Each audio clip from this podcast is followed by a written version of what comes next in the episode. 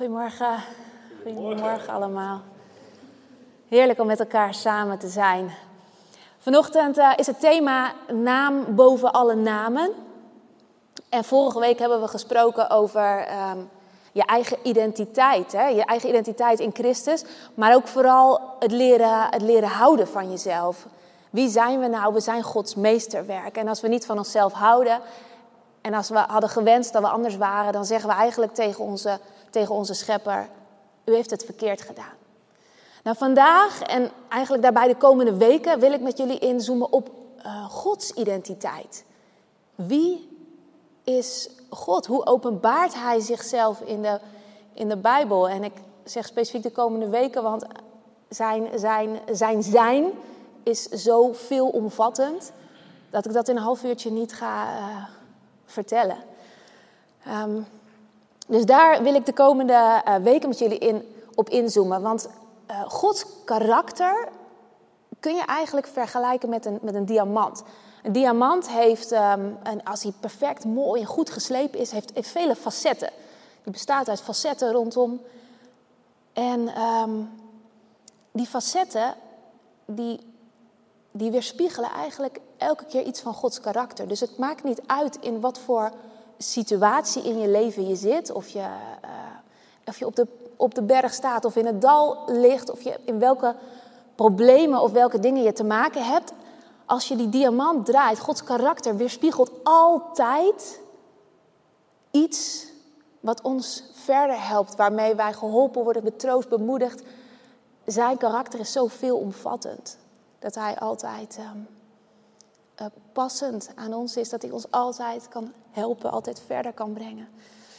Zijn goedheid, zijn genade, zijn barmhartigheid.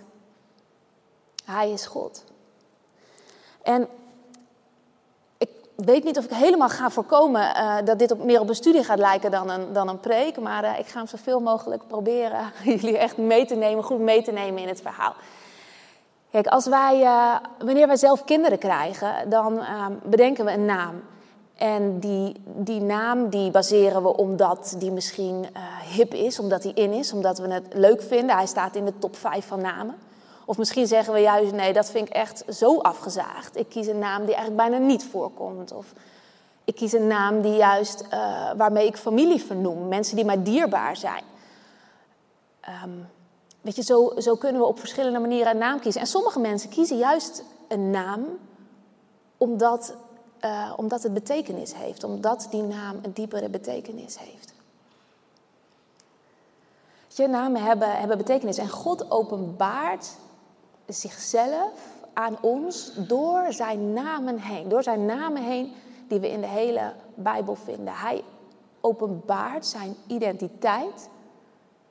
Hij maakt hem kenbaar voor ons in zijn namen, zodat wij hem steeds beter kunnen leren kennen alle facetten van ons leven. En vrijwel alle Bijbelse namen hebben een specifieke betekenis. Door de hele Bijbel heen zie je dat namen een betekenis heeft. God hecht daar grote waarde aan.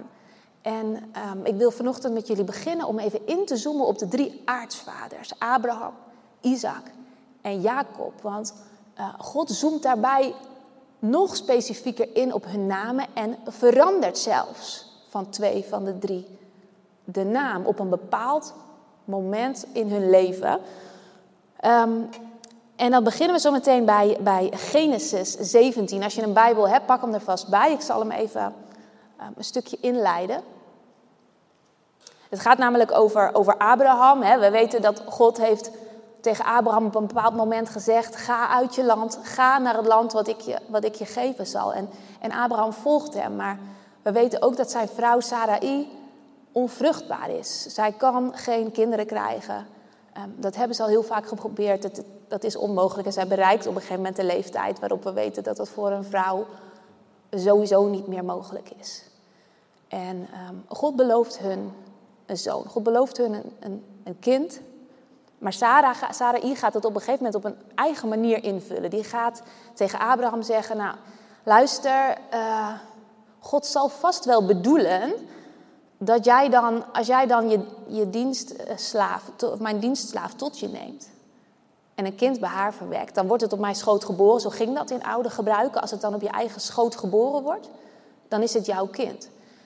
En, en dan zal het haar kind zijn en zo zal God het wel bedoeld hebben. Maar God bedoelde dat niet. En daarmee hebben ze het voor zichzelf natuurlijk ook heel ingewikkeld gemaakt. Uh, maar dan zijn we in uh, Genesis 17. En daar verschijnt God aan Abram, heet hij op dat moment nog. Um, laten we even lezen de eerste paar versen. Vers 1 tot en met 6. Toen Abraham 99 jaar oud was, verscheen de Heere aan Abraham en zei tot hem: Ik ben God de Almachtige. God de Almachtige. Even tussen haakjes. Hier staat in het Hebreeuws El Shaddai. Ik kom daar later even in de preek op terug. God de Almachtige, zegt God. Ik ben niet zomaar God, ik ben God de Almachtige. Wandel voor mijn aangezicht en wees onberispelijk. Ik zal mijn verbond tussen mij en u stellen en u uitermate talrijk maken. Toen wierp Abraham zich op zijn aangezicht. En God sprak tot hem: Wat mij aangaat, zie, mijn verbond is met u. En gij zult de vader van een menigte van volken worden.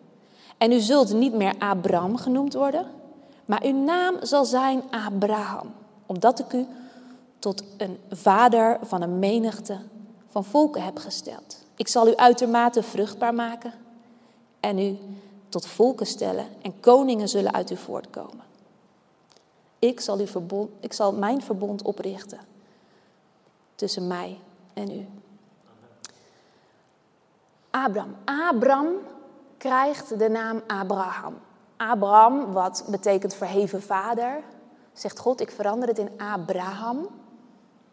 Want dat betekent menigte van volken. Nou sla ik even een stukje over en ga ik naar zijn vrouw Sarai. En dat is uh, vanaf vers 15, 15 en 17 lezen we even. En dan ga ik hier wat dieper zo op in. Verder zei God tot Abraham, wat uw vrouw Sarai betreft. Gij zult haar niet Sarai noemen, maar Sarah zal haar naam zijn. En ik zal haar zegenen. En ook zal ik uit haar een zoon schenken. Ja, ik zal haar zegenen, zodat zij tot volken worden zal. Koningen en volken zullen uit haar voortkomen. Toen wierp Abraham zich op zijn aangezicht, lachte en zei bij zichzelf: Zal dan aan een honderdjarige een kind geboren worden en zal Sarah een negentigjarige baren? Kijk, Abraham lacht hier een stukje ongemakkelijkheid, stukje, misschien wel een klein stukje ongeloof. Want Abraham wist toen Sarah I, nog Sarai hem voorstelde, neem Hagar tot je en, en verwek bij haar een kind. Toen was Abraham op zijn hoge leeftijd nog wel vruchtbaar. Want mannen er zijn natuurlijk, kunnen op vrij hoge leeftijd nog vruchtbaar zijn. Maar toen Abraham 99 was, toen was dat feest echt voorbij. Dat ging gewoon echt niet meer gebeuren. En Sarah, waarvan wij wisten dat zij al lang onvrucht, al, al steeds vanaf het begin onvruchtbaar was, zou überhaupt geen kind meer krijgen op 90-jarige leeftijd. Maar God zei wat anders. God veranderde hier hun naam, omdat God een wonder ging doen. Hij veranderde niet alleen hun naam, hij veranderde hun bestemming. Hij maakte iets nieuws. Hij deed een wonder, veranderde hun naam en veranderde daarmee hun bestemming. En het meest interessante, en dat is in onze Bijbel een beetje ongelukkig vertaald, want uh, Sarah is op zijn Nederlands vertaald als S-A-R-A. Maar oorspronkelijk heeft God gezegd Sarah met een H aan het eind. Dat zien we in de Engelse Bijbels natuurlijk ook gewoon terug. In de Hebreeuwse, Bijbel, in de Hebreeuwse vertaling zien we dat terug. Alleen Nederlands doen we het lekker op zijn Hollands. Zonder H erachter. We houden van eenvoud. Maar die H, die heeft, een speciale, die heeft een speciale betekenis. God geeft namelijk zowel in de naam van Abraham een H ertussen, als in de naam van, uh, van Sarah geeft hij een een, een H aan het eind. En H staat symbool voor, um, voor God. Het is namelijk zo, de, de letter H, dat is de hij in het Hebreeuws. Um, die wordt vaak gebruikt om de naam van God weer te geven als afkorting van Hashem, wat betekent de naam. Hashem, de naam. En dat, is, dat gebruiken ze om uh, de naam Yahweh, komen we later op terug, niet uit te hoeven spreken. Dus wat eigenlijk God deed, is hij zet zijn eigen naam in Abrahams naam en in Sarah's naam. Geeft ze een nieuwe bestemming, maakt ze vruchtbaar en doet Isaac uit hun voortkomen. De beloofde zoon. En maakt Abraham tot vader van menigte, van volken. Nou, wat Isaac betreft, daar was God heel duidelijk. Jullie zullen een zoon krijgen en gaan hem Isaac noemen. God hoefde die naam niet te veranderen. Het was Gods opdracht. Jullie krijgen deze zoon, jullie noemen hem Isaac. En dat lezen we twee versen verder, uh, Genesis 17, vers 18. En Abraham, uh, even kijken, sorry. Toen wierp Abraham zich op zijn aangezicht, lachte en zei bij zichzelf. Die heb ik gelezen, ja, 18 tot en met 20. En Abraham zei tot God: Och, mag Ismaël toch voor uw aangezicht leven? Maar God zei nee. Maar uw vrouw Sarah zal een zoon baren en gij zult hem Isaac noemen. En ik zal mijn verbond met hem oprichten tot een eeuwig verbond voor zijn nageslacht. En wat Ismaël betreft zegt hij dan, ik heb u verhoord, ik zal hem zegenen en ik zal hem tot een groot volk maken. En dat zien we natuurlijk nog steeds, de Ismaëlieten, de, is, de islam, het is een groot volk geworden. Ehm, dat is hier waarom de oorsprong, klein zijstapje is verder voor nu niet belangrijk, maar waarom ehm, de oorsprong van de islam, waarom de aartsvader van zowel de islam als het christendom bij de Abraham is. Dat is hier Ismaël en Isaac.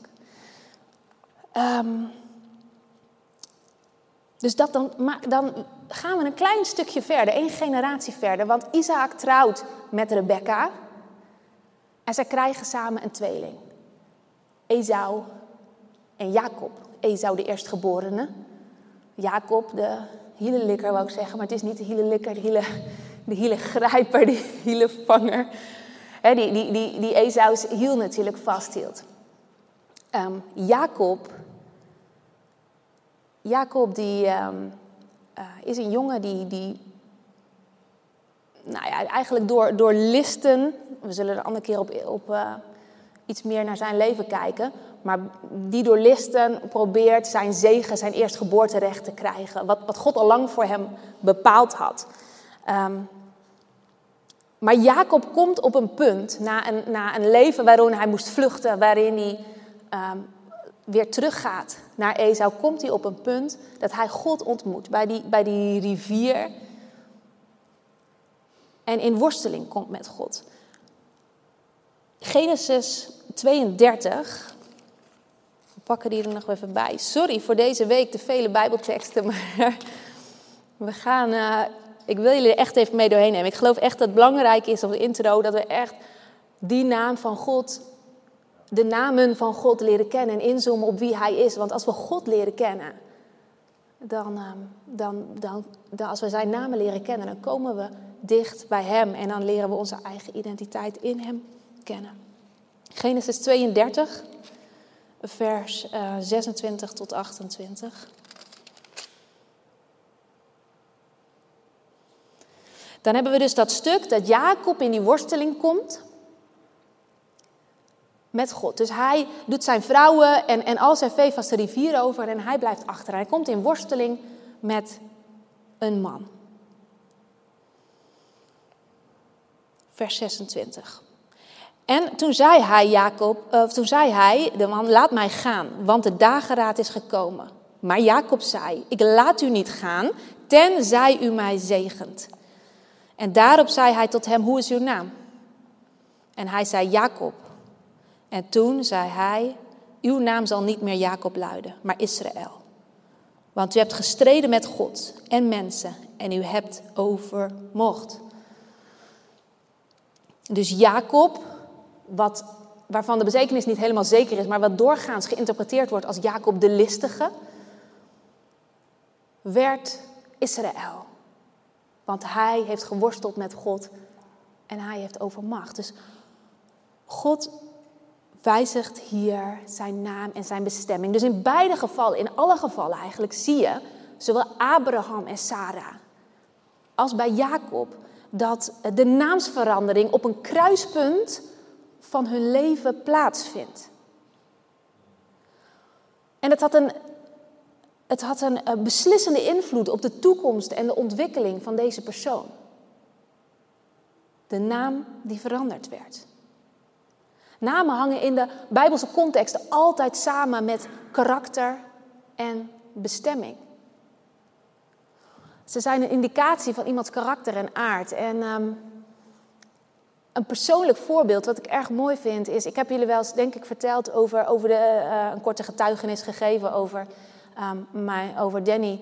Mijn man die, die um, natuurlijk op zijn werk een hele ingewikkelde periode heeft gehad. Met veel vernedering naar beneden geduwd, vastgezeten. Waarin hij altijd elke ochtend aan Jezus voeten zei zei... Heer, u, u doet het voor mij. U strijdt deze strijd. U bent het die mij op een dag hè, zal verhogen. Ik hoef mezelf niet te verhogen. Um, ik ga mezelf hier niet verdedigen. En het was zo erg na anderhalf jaar dat ik zei: Dan, jongen, sla toch eens met je vuist op tafel. En wat hier gebeurt, het kan echt niet. Hij zei: Nee, Rens, ik moet volhouden. En wat God toen deed, hij gebruikte zijn naam. En dat is heel mooi. Want ze zaten op een dag op kantoor. En het was weer zo'n dag dat een van die jongens zei van... Uh, weet je wat we doen? We gaan eens even kijken wat iedereen zijn naam betekent. Dat is leuk. En dat was voor iedereen leuk. En toen was natuurlijk het rondje geweest. Nou Danny, nu ben jij.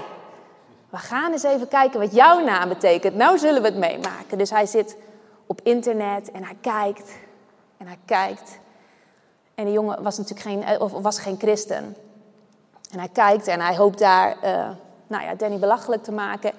En hij zegt een beetje met een stem: God is jouw rechtdoener. En dat was het moment dat Danny zei: Wauw, halleluja, prijs de Heer. En dit was zo'n bevestiging. En niemand in die, in die ruimte begreep wat daar gebeurde. Maar God zei: Ik gebruik jouw naam en ik ga vanaf nu jouw bestemming veranderen. Want ik ben inderdaad jouw rechtdoener. Jij bent trouw geweest. Jij bent nederig geweest. Jij hebt gewacht op mij en ik ga voor jou opstaan. En korte tijd daarna gebeurde het dat, dat ik eerst tegen Danny zei van... Maar lieverd, weet je wel, kom op nou. Nee, God is mijn rechtdoener. Hij greep zich vast aan die woorden. God is mijn rechtdoener. God is mijn rechtdoener. God is mijn rechtdoener. En we waren een paar maanden verder en ineens bam, bam, bam, bam, achter elkaar vielen, vielen de, de poppetjes om. De ene werd ontslagen, de ander ging eruit, de derde, degene. En dat was heel heftig. Degene die zijn naam had uitgesproken als God is jouw rechtdoener, bespottend en al. Een jongen van, van 23, HBO afgestudeerd net, kreeg heel erg last van zijn onderrug. Hij, um, Ging door de scan in en hij bleek lymfklierkanker stadium 4 te hebben. Einde verhaal, het ergste stadium. En um, ik weet het moment dat Danny thuis kwam met het nieuws en we hebben gehuild samen en hij zegt, het lijkt alsof mijn broertje gaat overlijden. Terwijl um, er in de relatie nul sprake was van, van broedersliefde. Het was heftig, maar dit is wat God doet. God creëert bewogenheid in onze harten en we zijn gaan bidden en strijden. En um, deze jongen is, uh, is behandeld omdat zijn leeftijd dusdanig jong was, maar eigenlijk um, was er uh, normaal gezien op een iets oudere leeftijd waren ze nooit meer aan behandelingen begonnen. Hij is op dit moment volledig uh, genezen. We hebben hier op de Holy Spirit avonden met zijn foto in het midden voor hem gebeden en gestreden. Um, maar dat is een heel ander verhaal. Hij is, um, het veld werd geruimd. De vloer kwam vrij. En Danny ging van promotie naar promotie naar promotie en is inmiddels uh, applicatiemanager ICT. Uh, regelt de hele boel, doet alle implementatie uh, dingen. En dit is wie God is. God is zijn rechtdoener. Hij heeft zichzelf never, nooit niet op die plaats neergezet. Hij heeft gewacht op God. En God bevestigt dat door zijn naam heen. En dat, dat is de God die wij hebben. Die doet dat nog steeds. Hij werkt nog steeds door namen heen als dat hij zijn eigen naam dus aan ons bekend wil maken. En dat is de reden waarom ik uh, met jullie op die namen in wil zoomen. Omdat ik geloof als we echt steeds meer snappen hoe God zich uit in zijn namen, dan, dan doet dat met onze relatie. En elke tijd kunnen we naar, naar God toe, omdat we weten hoe veelzijdig zijn karakter is. Wat hij allemaal kan. Nou, we duiken weer voor een stukje studie terug die Bijbel in. Want in Genesis 1, vers 1, daar begint God ons eigenlijk al te openbaren. En daar staat, in den beginnen schiep God de hemel en de aarde. Nou, God staat daar in het Hebreeuws Elohim. Elohim. In den beginnen, beginnen schiep Elohim de hemel en de aarde. En Elohim is een, is een woord wat afkomstig is van uh, het woord El. El is enkelvoud, Elohim is meervoud. Het betekent God, goden, maar vooral ook machten, sterkten. We keken net even naar El Shaddai. Dat betekent dus El is het enkelvoud, is, is God, macht, kracht. En Shaddai is de Almachtige. Dus God zegt niet zomaar ik ben God, macht, kracht. Ik ben God de Almachtige. Elohim is het meervoud. Dus Elohim is, is, is goden, machten, krachten. Dus er is hier een, ehm, een hele interessante constructie namelijk. En dat zie je steeds in de Bijbel voorkomen. Elohim komt zo'n 2570 keer voor in, de, in het Oude Testament. Um, en wat je steeds ziet terugkomen is dat deze meervoudsvorm gaat altijd vooraf aan een. Enkel, en, uh, enkelvoudige uh, vorm. Dus in den beginnen niet schiepen goden, schiep Elohim. Iets verderop lezen we dat God zegt: laat ons mensen maken. Naar ons beeld en onze gelijkenis. Dus laten wij, nee, laat ons. God schiep. Het meervoud en het enkelvoud wordt continu naast elkaar gelegd. Dat is, um, dat is heel interessant, want hier openbaart God de unieke, het unieke wat Hij alleen heeft. Meervoudigheid en eenheid tegelijk. Ik wil even, en je hoeft de Bijbelteksten niet bij te pakken, maar in Deuteronomium 6, vers 4, je mag hem op het scherm zetten als je hem hebt, staat. Um, de, uh, de, Heer, onze God, de Heer is één. Ik wil even een stukje inzoomen op, op, om, om iets meer betekenis uit dat Elohim te krijgen. De Heer, onze God, de Heer is één. Staat in Deuteronomium 6, vers 4. Nou, in het Hebreeuws staat daar Adonai, Eloheni, Elohenu, Adonai, Eshat. En dan denk je, ja, dat zal wel. en dat staat er. Maar wat het interessante hiervan is, is de eerste drie woorden die het Hebreeuws gebruikt, dus voor de Heer, onze God, de Heer. Dat zijn um, meervoudige woorden, dus die, die staan in meervoud geschreven in het Hebreeuws. Alleen het woord één is enkelvoud. En ik weet dat het even ingewikkeld is, we gaan er zo komen. Is iemand die het nog volgt? Ja, oh, gelukkig. We gaan, we gaan er zo komen, we gaan zo bij het punt komen. Dus de Heer onze God, de Heer is één. Adonai, Elohenu, Adonai, Eshat. Drie keer meervoud, één keer enkelvoud. Maar het woord uh, Eshat betekent dus één. Het interessante is dat het um, Hebreeuws kent twee woorden, twee verschillende woorden, die zijn veel rijker in hun taal dan dat wij Nederlanders zijn. Die kent twee verschillende woorden voor het woord één. Dus je hebt Yashid en je hebt Eshat. Waar Yashid betekent um, helemaal uniek op zichzelf staand, dus com compleet uniek, het geen absoluut uniek, uh, uniek en alleen is, betekent Eshat een samenvoeging van elementen. Zijn jullie er nog? De Heere is één. Ben jij er nog? Mooi. Dus de Heer is één, maar de Heer is niet hetgeen absoluut uniek en alleen is. De Heer is één door een samenvoeging van elementen. Onze God is een samenvoeging en ik kan het heel mysterieus maken. Maar verderop gaat dit natuurlijk prachtig uh, geopenbaard worden. Als in Wij weten, onze God bestaat uit de Vader, de Zoon en de Heilige Geest. Maar hier in Genesis 1, vers 1, wordt dit al kenbaar. Nou, ik geef je eventjes kort drie voorbeelden van dat woord Eshat, zodat je hem iets meer begrijpt. En dat is misschien wel een tekst voor jullie. Genesis 2, vers 24. Nogmaals, je hoeft hem er niet bij te pakken, maar ik, ik lees hem even op. Zo komt het dat een man zich losmaakt van zijn vader en moeder en zich hecht aan zijn vrouw met wie hij één lichaam wordt. Eén lichaam worden jullie binnenkort als jullie gaan trouwen. Dat woordje één gebruikt God opnieuw Eshat in de Bijbel. Dus jullie worden niet, weet je, het is niet ineens dat er maar één iemand zo meteen binnenkomt lopen. Maar Gods bedoeling is dat jullie een, een, een, een unieke samenvoeging worden van man en vrouw. Samen één voor God. In Richteren 20 dan is die, breekt die burgeroorlog uit uh, in Israël. En dan staat daar op een gegeven moment: Zo verzamelden zich alle mannen, mannen van Israël, als één verbonden tegen de stad. Nou, je raadt hem al, het woordje één is hier weer een samenvoeging van elementen. Dus ze schaarden zich als één geheel op. In Ezekiel lezen we over de twee stukken hout, Juda en Israël, die weer één moeten worden. Opnieuw het woordje Eshat.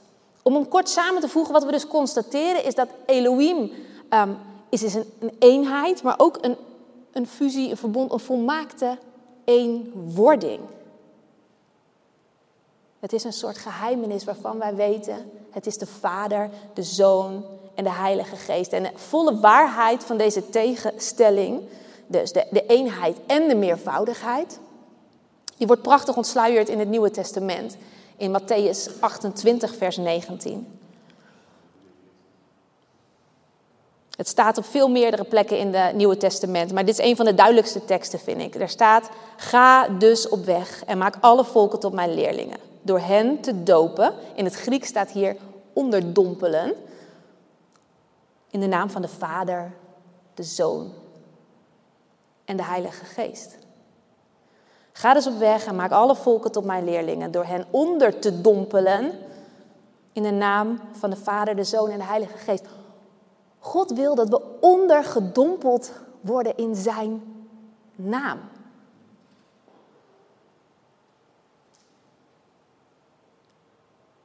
We mogen onze plek innemen in God en, en ons eigen, ons eigen, nou, de slechtere versie van onszelf, zoals we vorige week constateerden, daarin verliezen. Opdat Gods meesterwerk tot bloei kan komen. In um, Romeinen 1, vers, vers 20 staat: zijn onzichtbare eigenschappen zijn vanaf het begin van de, uh, van de schepping van de wereld zichtbaar in zijn werken. Kijk, Paulus zegt hier eigenlijk dat bepaalde onzichtbare aspecten van God zichtbaar worden in hetgeen hij gemaakt heeft. Weet je, als we om ons heen kijken, als we naar buiten komen, als de zon opkomt, dat morgenrood, die prachtige gloed. Als de wolken kleuren, als de vogeltjes fluiten, als de bomen zo meteen weer in de lente tot bloei komen. We zien daarin de grootheid van Gods schepping, Gods eeuwige kracht en zijn goddelijke natuur worden zichtbaar. En, en die dingen zijn eigenlijk een opsomming van Elohim, van de gehele God, de totaliteit van wie God is. Zijn grootheid. Alles is door Hem en alles is tot Hem. Wat een voorrecht dat Hij Zijn naam aan ons wil verbinden, dat we zelfs ondergedompeld mogen worden in Zijn naam. Dus Elohim, onthoud uniek door Zijn eenheid en meervoudigheid, Vader, Zoon en de Heilige Geest. En ik had er vanochtend nog met Ruben over. We zingen hier vaak zo'n zo'n lied van Heer, u bent El Elohim. Maar ik vroeg me van de week af, heeft iemand enig idee wat we hier zingen? Wie is El Elohim? Bij deze. Elohim, God die schiep. De God die schiep. Ja, jongens, dit is, een, dit is een pittige sessie voor jullie op zondagochtend. Maar we gaan nog een heel klein stukje door. En de volgende weken, weet je, dit is wel echt de pittige basis. De volgende weken gaan we veel meer inzoomen op, uh, op het, nou ja, ik ga jullie nu, neem jullie nu nog even mee in de naam JHWH, Yahweh. Wie is die JHWH uit het Oude Testament? En volgende, de komende weken gaan we veel meer inzoomen op, op wat voor zeven, uh, welke zeven uh, specifieke aspecten eraan God aan zijn naam verbonden heeft daarin. De Heer die voorziet, de Heer die geneest. De Heer is mijn herder. Al die dingen, daar gaan we langzaam op in, waardoor het veel meer tot leven komt. Dus dit is even de taaie, de taaie stof vandaag. Om die basis, om dat fundament te hebben, van, van, om God te leren kennen. Weet je, en um, we zien dus vlak na dat, dat, dat God schiep de hemel en de aarde, op het moment dat, dat God het paradijs gaat maken, het Hof van Eden met Adam en Eva, dan komt de naam Yahweh, JHWH, Elohim in beeld. Um, en um, dit is, uh, deze naam die maakt God dus bekend, letterlijk aan Mozes. En daarmee duiken we nog weer eventjes opnieuw de Bijbel in bij Exodus. En dan wel Exodus 3.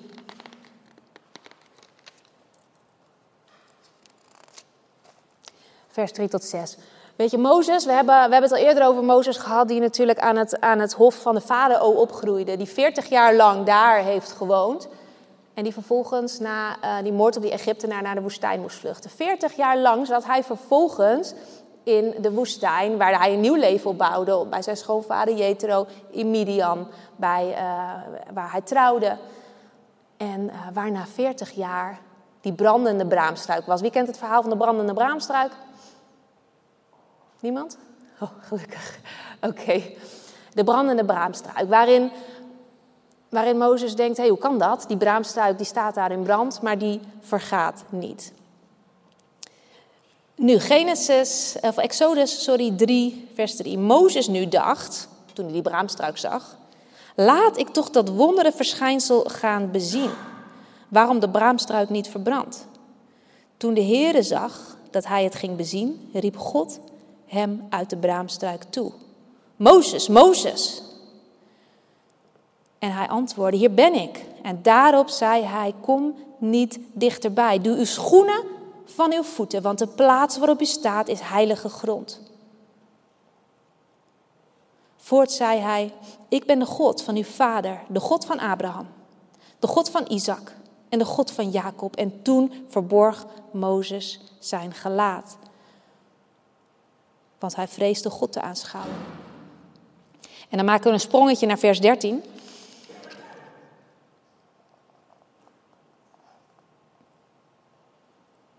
Waarin God dus heeft gezegd van ik wil dat jij naar Egypte gaat om mijn volk te bevrijden. Ik heb hun nood gehoord. En dan zegt Mozes tot God, maar wanneer ik tot de Israëlieten kom en hun zeg, de God uw vaderen heeft mij tot u gezonden. En zij vragen mij hoe is zijn naam? Wat moet ik hun dan antwoorden? Toen zei God tot Mozes, daar komt hij, ik ben die ik ben. En hij zei, al dus zult u tot de Israëlieten zeggen, ik ben, heeft mij gezonden. De Yahweh, JHWH, die openbaart zichzelf hier als zijn naam. Ik ben die ik ben. Dus hij is die hij is. Ik zal zijn wie ik zijn zal. Hij zal zijn wie hij zijn zal. In het Hebreeuws heeft de, tegenwoordige tijd vaak een betekenis in de toekomst. En dat zie je hier dus terug. Ik ben die ik ben. Ik zal er altijd zijn. Dus Yahweh omvat veel meer als wat we in twee, één of twee namen uh, kunnen uitdrukken. Um, maar Hij die er altijd zal zijn, is dus de eeuwige God die er is. Immer betrouwbaar. Altijd aanwezig. Hij is geen vage, onomschreven kracht. Maar hij is een persoonlijke God. Een persoonlijke God. De God van Abraham, de God van Isaac, de God van Jacob. De God die zijn verbond maakt. De God die ons persoonlijk tegemoet komt. En in persoon zijn verbond maakt. En het is belangrijk om te zien dat de woorden waarmee God omschreven wordt, Ons telkens terugbrengen naar diezelfde persoon. In Hebreeën, Hebreeën 13 wordt over de Heer Jezus gezegd: Jezus Christus blijft dezelfde.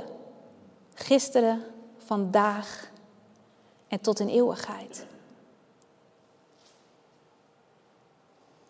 In Openbaringen 1, vers 17 en 18, uh, daar is Johannes op Patmos. En is het de Heer Jezus die tegen hem spreekt, die zegt, en toen ik hem zag, viel ik als dood voor zijn voeten. En hij legde zijn rechterhand op mij, Jezus legde zijn rechterhand op mij en zei, wees niet bevreesd, want ik ben de eerste en de laatste, de alfa en de omega, het begin en het einde, de levende. En ik ben dood geweest en zie, ik ben levend tot in alle eeuwigheden en ik heb de sleutels van het dood en het dodenrijk. Dus deze machtige God, de God van Abraham, Isaac, Jacob, de Yahweh uit het oude verbond. De Elohim, Vader, Zoon en Heilige Geest, verbindt zich door middel van een verbond aan de mens, legt een persoonlijke relatie met de mens. Hij zegt, ik ben de alfa en de omega. Degene die was, die is en die komen zal. Ik ben er altijd. Een kennis van ons die moest ehm, twee jaar geleden ehm, afscheid nemen van, ehm, van hun zoon. Hun, uh, haar zoon is 18, uh, is 18 geworden en mijn man en ik hebben hem nog een tijdje in het jeugdwerken gehad. Superleuke, lieve jongen. En hij kreeg last van zijn scheenbeen. En ze dachten aan een scheenbeenvliesontsteking, want hij was een lekkere sporter. Hij had grote plannen. Hij was net klaar met de HAVO en hij zal een jaar uh, naar Canada gaan. En um, het bleek geen scheenbeenvliesontsteking, want drie dagen later zaten ze in Groningen en bleek het een agressieve vorm van kanker. En zij um, een intensief traject gelopen en het was. Zij hebben afscheid moeten nemen van hun zoon op 18-jarige leeftijd. En zij zijn als, als uh, ouders daarna door een hele ingewikkelde tijd heen gegaan. Omdat ze merkten dat ze dingen allebei op hun eigen manier aan het verwerken waren. Waar de ene een vechter werd, werd de andere heel teruggetrokken. En um, dat was een moment waarop zij zeiden na zijn dood: Oké, weet je wat we gaan doen? We gaan vier weken van elkaar apart weg. Jij gaat eerst vier weken weg. Um, de, de, de vader ging eerst vier weken weg. Gewoon om God te zoeken, om te ontdekken wie, wie ben ik. Nu mijn kind weg is, wie ben ik? En vervolgens ging zij vier weken weg. En in die vier weken um, was ze de eerste week enorm bang en angstig van elk ritselend geluidje. En, en alles wat ze voelde kwam als een angst op haar. En ze was aan het bidden en heer, wat, wat, wat moet ik nu? Wie ben ik nog? En toen kwam er een bonkend gevoel op haar hart. Met een, met een luid en duidelijk woord die zei: Ik, jouw God, ben bij je altijd. Altijd. En het werd zo'n diepe waarheid in haar. Ik ben, ik ben die ik ben, is er altijd. Hij is er altijd. En dat mogen we weten. De Alpha en Omega, degene die van het begin af aan het einde verkondigd heeft. Hij is de eerste en de laatste en hij zal er altijd zijn. Weet je, en deze God heeft zijn naam aan ons verbonden. En zoals Johannes 14, vers 13 zegt, we mogen zelfs bidden in zijn naam. Want Jezus zegt, als je bidt tot de Vader in mijn naam, geloof dat je het ontvangen hebt, je zult het krijgen. En zoals ik net al zei, gaan we dus de komende weken. En dan worden de preken minder theoretisch, maar dan gaan ze meer opnieuw leven. Gaan we dus kijken op die, die zeven namen die God verbindt aan Yahweh. Wie is die Yahweh? Welke zeven namen horen daarbij? En, en, en hoe zijn die ons tot, tot hulp, tot steun, tot opbouw? Hoe zien we onszelf daarin terug?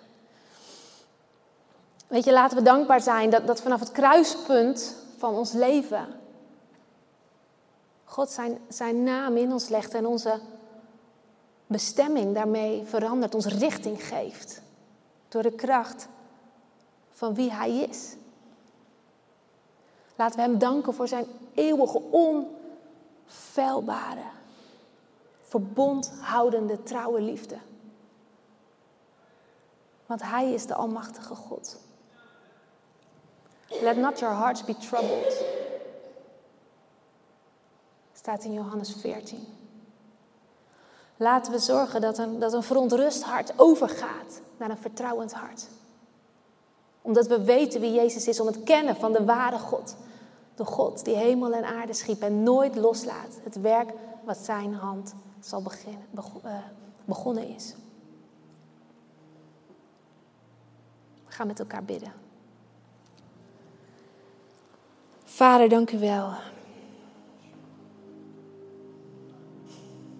Dank u wel, Heer, dat u hier bent, Heer. En ondanks dat dit een, een onderwerp is die voor onze hersenen zo moeilijk te pakken is, Heer, omdat de grootheid van u gewoon simpelweg niet te bevatten is voor onze hersenen.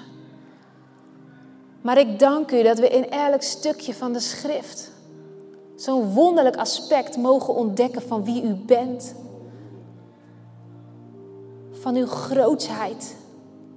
Van uw almacht, want u bent God de Almachtige.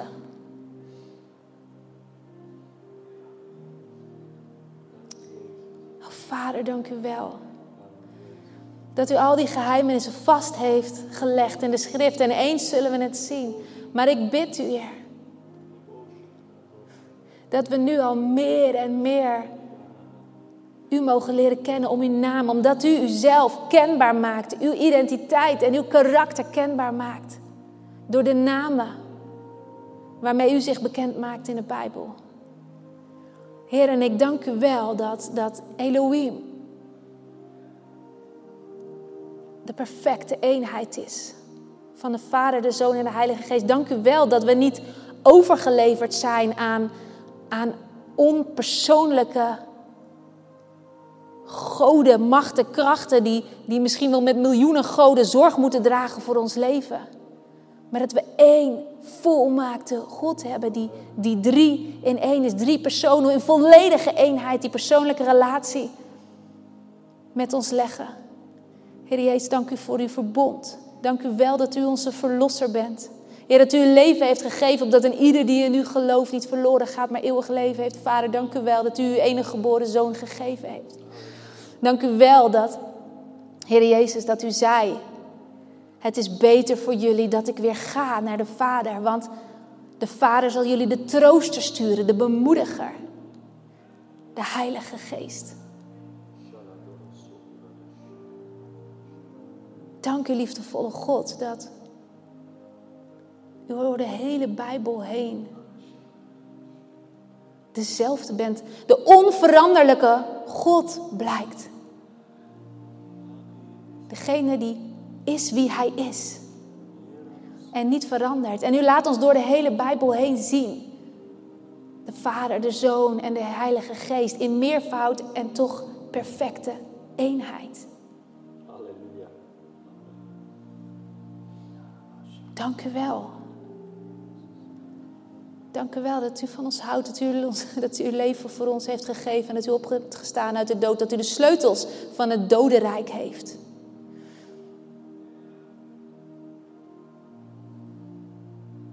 Opdat de weg naar God de Vader terug is door u, dat u de weg, de waarheid en het leven bent, Heer Jezus. Dat we door u weer in die eenheid kunnen komen met God.